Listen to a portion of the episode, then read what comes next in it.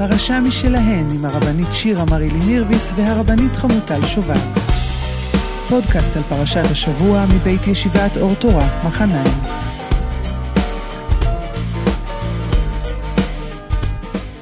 שלום הרבנית חמוטל שובל. שלום הרבנית שירה מרילי מירביס. הגענו לפרשות תזריע מצורע. אז פרשת תזריע מצורע, בעצם הן נמצאות בלב חומש ויקרא, שחומש ויקרא נמצא בלב החומשים, זאת אומרת אנחנו במרכז של המרכז, ויש פה נושאים מאוד מעניינים ששווה לנסות ולחשוב למה הם בלב החומש. אמ, בלב כשהי... חמישה חומשים. כן, בלב חמשת החומשים. ממש. אמ, כשהיינו חולים בקורונה, אני והאיש ואחד הילדים, באמת כמות הטלפונים שהיינו מקבלים מהילרים, מרפאים, אנרגיות, תבשילי קורקום למיניהם. שכנים, חברים. ובאמת כולם מכוונות טובות ואני מודה מקרב לב לכולם, אבל כמות שמן צמחי המרפא שקיבלנו לפתח ביתנו הייתה מפתיעה. אני חשבתי שאני בסך הכל צריכה אקמול ו- ופשוט קצת לנוח, אבל היה הרבה אנשים שחשבו ששמן אורגנו על המצח זה מה שיעזור, או לשתות שמן קורקום, אה, תבליות למיניהם וכל מיני דברים מאוד מיוחדים ומגניבים. ולא והם... רק פיזי, גם נפשי, נכון אמרו לכם? נכון, וכל הזמן אמרו, תחשבי טוב, תדמייני איך הווירוס יוצא לך מהגוף, תדמייני כל פעם ד... מין דמיון מודרך של איך הגוף מנצח, איך הכדוריות בעצם בועטות את הווירוס החוצה. ועשיתי השתדלות, אני מודה שעשיתי השתדלות, אני לא יודעת מה עזר, ברוך השם החלמנו. אז בפרשה, בפרשות שלנו אין קורונה, אבל אני חושבת שיש הרבה אה, קשר אה, גוף נפש, זאת אומרת יש לנו גם את דיני היולדת וגם אנחנו מדברים על, על צרעת שהיא מחלה שאפשר להגיד שאולי היא פסיכוסומטית קצת, נדבר על זה, ועל מצורע, על אדם שההתנהגות שלו או הפנים יוצא החוצה, שזה משהו שהוא קשה לנו מאוד ומורכב ונורא מעניין, וגם דיני טומאה. זאת אומרת התורה מדברת על הכל על השולחן up front וזה לא פשוט לאדם המודרני לשמוע על הפרשות גופניות אנחנו מכל דיני טומאה הגדולים והמסועפים נשארנו היום רק עם דיני נידה אה, של אישה נשואה. נידה וזבה בעצם. נידה וזבה, כל השאר די uh, התמסמס, אבל זה, זה מעניין לפגוש את זה.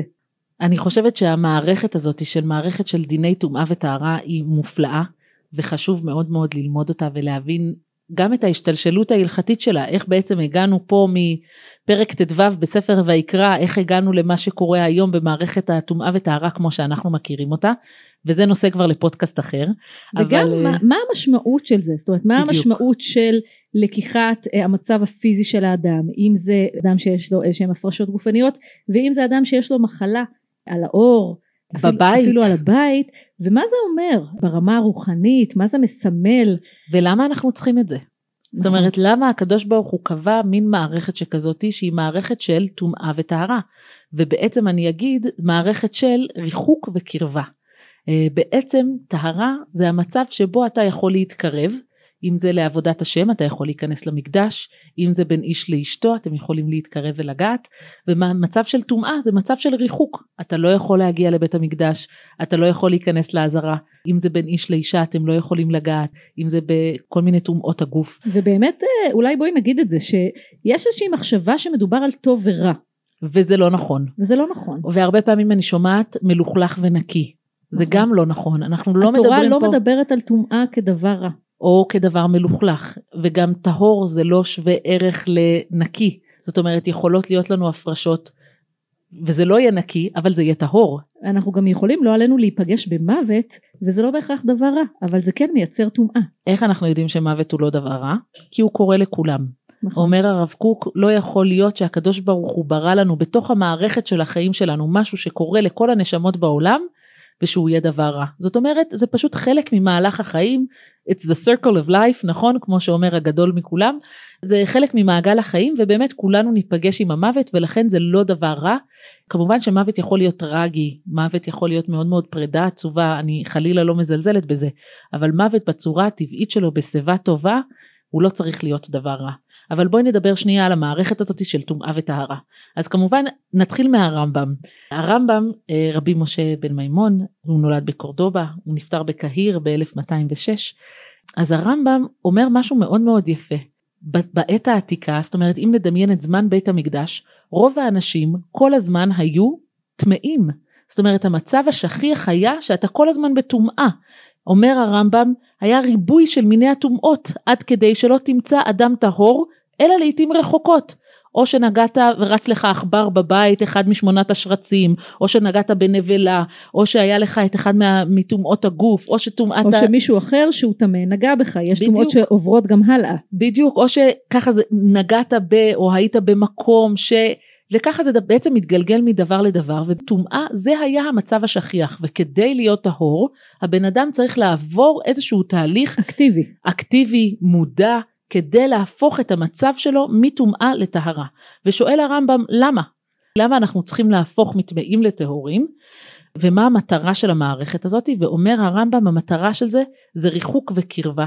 כל זה גורם לריחוק מהמקדש, שלא ידפקו על שעריו בכל עת.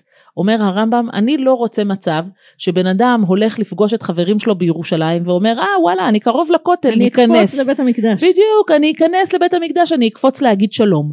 לא, זה לא עובד ככה. בית המקדש דורש איזושהי יראה, איזשהו כבוד, איזושהי התכוננות והתכווננות נפשית תודעתית, ולכן כדי להיכנס למקדש אתה צריך לבוא בטהרה, אתה צריך לעבור תהליך של טהרה, אתה צריך לטבול לפני, ולכן כותב הרמב"ם, אין אדם נכנס לעזרה, לעבודה, אפילו טהור עד שהוא טובל. במעשים אלה תתמיד היראה, ותיווצר ההיפעלות המביאה לשפלות הברך המבוקשת. אתה צריך להגיע לבית המקדש מתוך הכנעה, מתוך הבנה שאתה בא לפגוש את הקדוש ברוך הוא. התכווננות מאוד אה, חזקה. נכון, וענווה מאוד מאוד גדולה.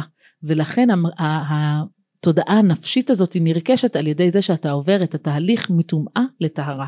מה שמזכיר לי שבצעירותי הייתי מדריכה אה, בכנסת ובבית המשפט העליון, תיכוניסטים, ויום לפני כשהייתה משובצת לקבוצה היינו צריכים להתקשר לקבוצה לתיכון כזה או אחר ולהגיד להם תקשיבו יש קוד לבוש לכנסת ואחד הדברים שהיו מתמרמרים בני נוער ו, ועוד יותר מזה ולא נעים לומר המורות מה זאת אומרת וג'ינס וגופייה והיה דיון ואמרתי יש פה התכווננות יום קודם. כן זה לא סיור בסתם מקום זה לא סתם אתם נוסעים למקום מכובד לאחד מסמלי השלטון.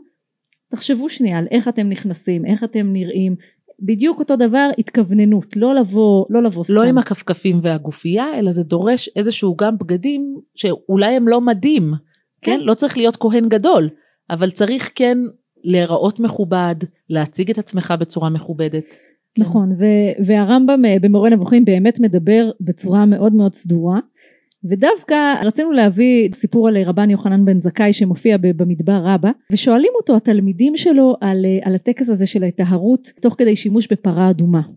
כן. הם אומרים לו ב, בשפה שלנו זה נורא מוזר. זה ככה מה זה הטקס המוזר הזה? ו, והמדרש מביא דווקא גוי שהוא ישאל הוא ישאל את רבן יוחנן בן זכאי תסביר לי את הטקס הזה אתם לוקחים את הפרה האדומה אתם שורפים אותה, אתם אחר כך לוקחים את האפר שלה ומי שמטהר הוא נטמע בעצמו, הוא אומר לו זה טקס מאוד מאוד מוזר.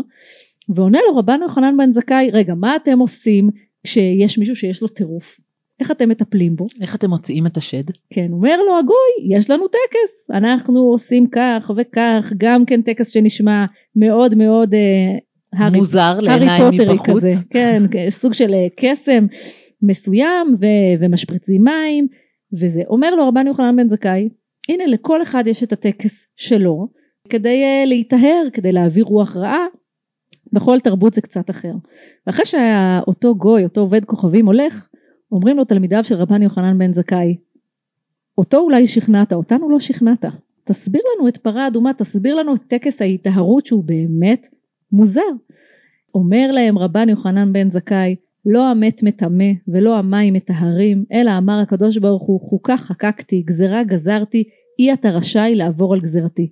אומר רבן יוחנן בן זכאי לתלמידיו, אני הסברתי לו הסבר ברמה מסוימת ולכם אני אומר שחוקי הטומאה וטהרה הם גזרה, הם ככה, צריך להיות איזשהו הבדל בין הטמא לטהור, משהו מאוד מאוד ברור שמעביר אדם ממצב כזה למצב כזה ואני לא יכול להסביר לכם, זו גזירה. זאת אומרת השאלה היא טובה, אבל אנחנו לא בהכרח יכולים להבין את התשובה. זאת אומרת לא בהכרח יש תשובה שאנחנו יכולים להיות שלמים איתה, זה לא אומר שלא ניסו לענות על זה במהלך כל הדורות. כן. גם הגמרא במסכת נידה בעצם מנסה להבין אז למה?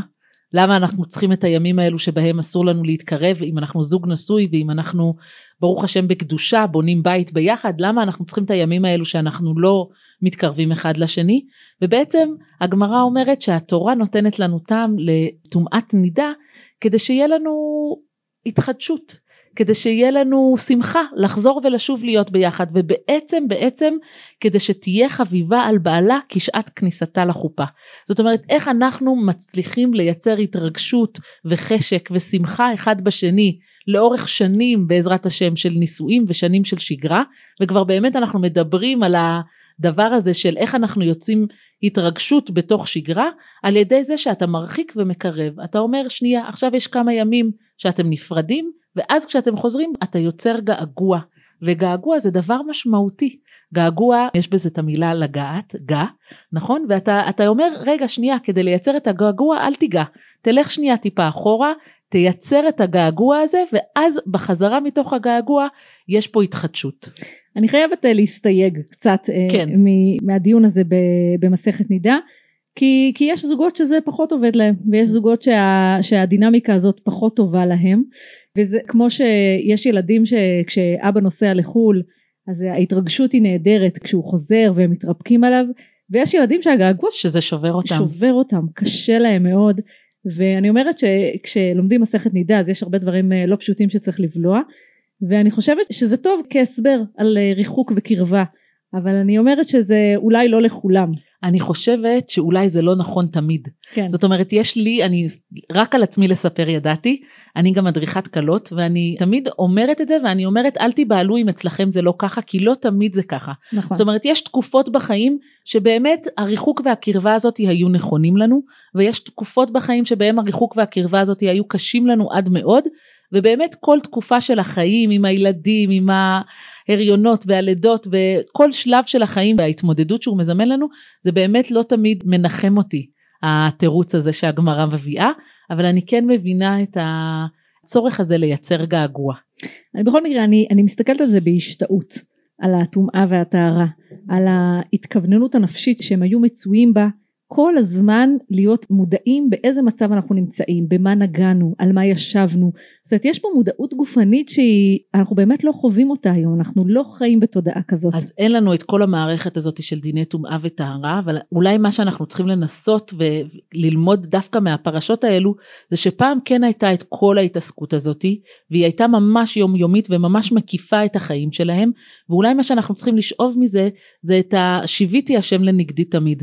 המטרה של כל המערכת הזאת של טומאה וטהרה זה להיות באיזושהי מודעות איפה אני ביחס לקדוש ברוך הוא. אני יכולה להתקרב עכשיו לבית המקדש, אני לא יכולה להתקרב עכשיו לבית המקדש, מה אני צריכה לעשות כדי שאני אוכל להתקרב, ובעצם כל הזמן הרצון הזה לקרבה בעבודת השם שלי, ואולי אין לנו את כל המערכת הזאת ואין לנו את בית המקדש לצערי, אבל כן יש לנו את היכולת להיות בתודעה של איפה בעבודת השם שלי אני בוחרת להתקרב ואיך אני בוחרת לייצר תודעה של הקדוש ברוך הוא מול העיניים שלי ביום יום. הפרשה באמת מעלה את מחלת הצרעת שגם אותה אנחנו לא חווים היום. ברוך אבל, השם. ברוך השם. אבל את דיברת קודם על הקורונה ועל קשר אה, בין גוף נפש. אז אני אגיד לך מתי חוויתי קשר גוף נפש באמת הכי חזק שיש. אנחנו אה, לומדות אה, הלכה יחד ואנחנו נבחנות במבחני הלכה. ובאחד המבחנים הכי גדולים שלנו על אה, מסכת שבת מסכת שבת אה, למדנו יום ולילה ממש זאת אומרת בסמוך למבחן ישבנו ולמדנו יום ולילה ואני זוכרת את ה... אה, אימצתי את העיניים זאת אומרת הייתי יושבת בלילה וקוראת את החומר ואת הסיכומים ושוב פעם את החומר ושוב פעם את הסיכומים. כי לי... תמיד הם מדפיסים את זה באותיות מאוד מאוד קטנות בלמטה שמה של הטור שולחן ערוך. נכון נכון. אותיות מאוד קטנות. ואז יום לפני המבחן קמתי בבוקר והייתה לי דלקת בעין שעורה באמת בגודל של כדור טניס ומעולם לא חוויתי קשר גוף נפש כל כך חזק הייתי בכזה מתח כן. ובכזה לחץ ופשוט הגוף שלי אמר אני לא יכול יותר די. וזה יצא ממש בצורת חולי. ובאמת יש דיון על מחלת הצרעת. האם זאת מחלה ברמת דלקת גרון דלקת ריאות? מחלה שהיא מחלה מחלתית פיזית. או שהיא באמת תופעה פסיכוסומטית ממש ממש יוצאת דופן. אז הרלב"ג אומר לנו צרעת היא מחלה ככל המחלות.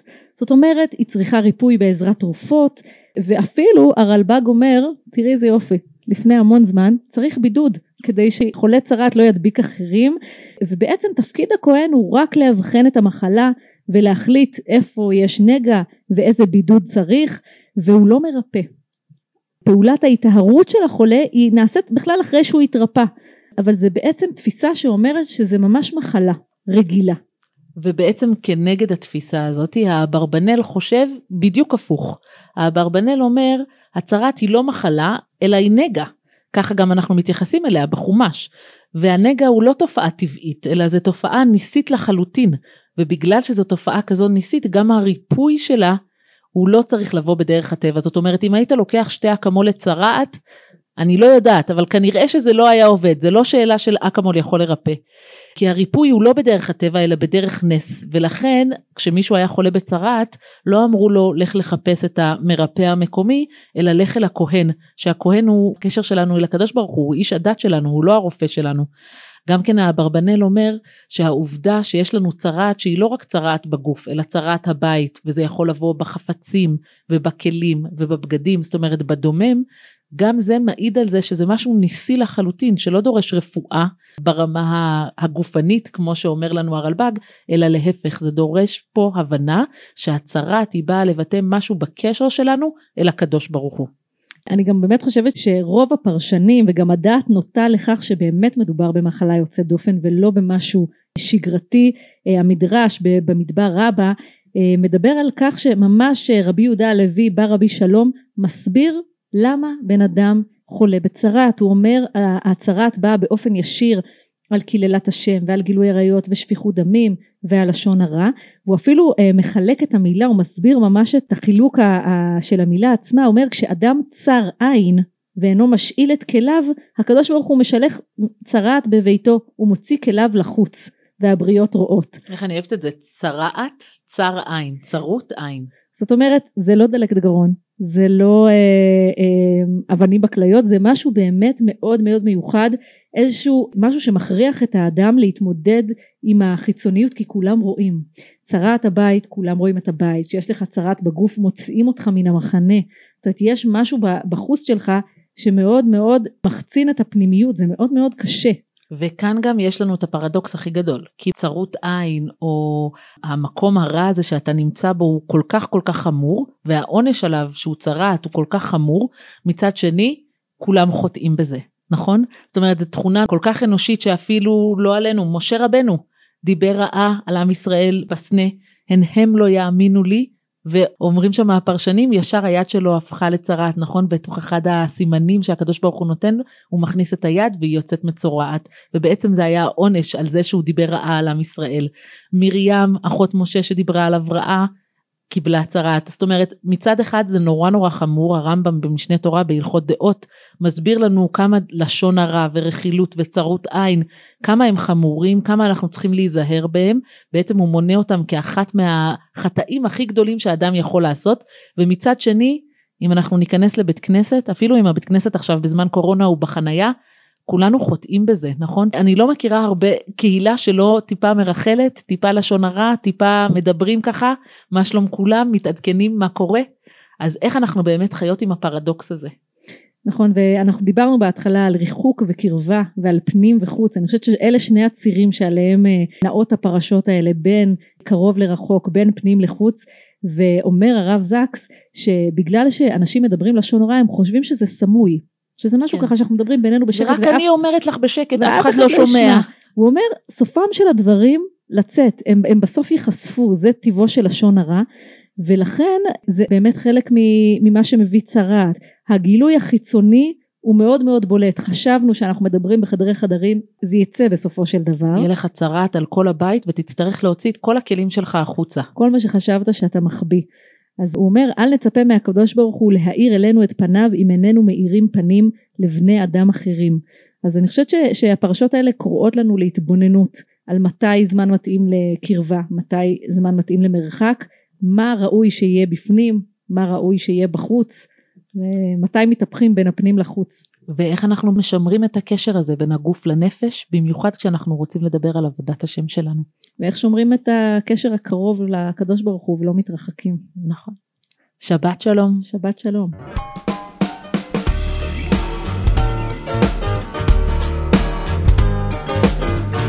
פרשה משלהן עם הרבנית שירה מרילי מירביס והרבנית חמוטל שובל.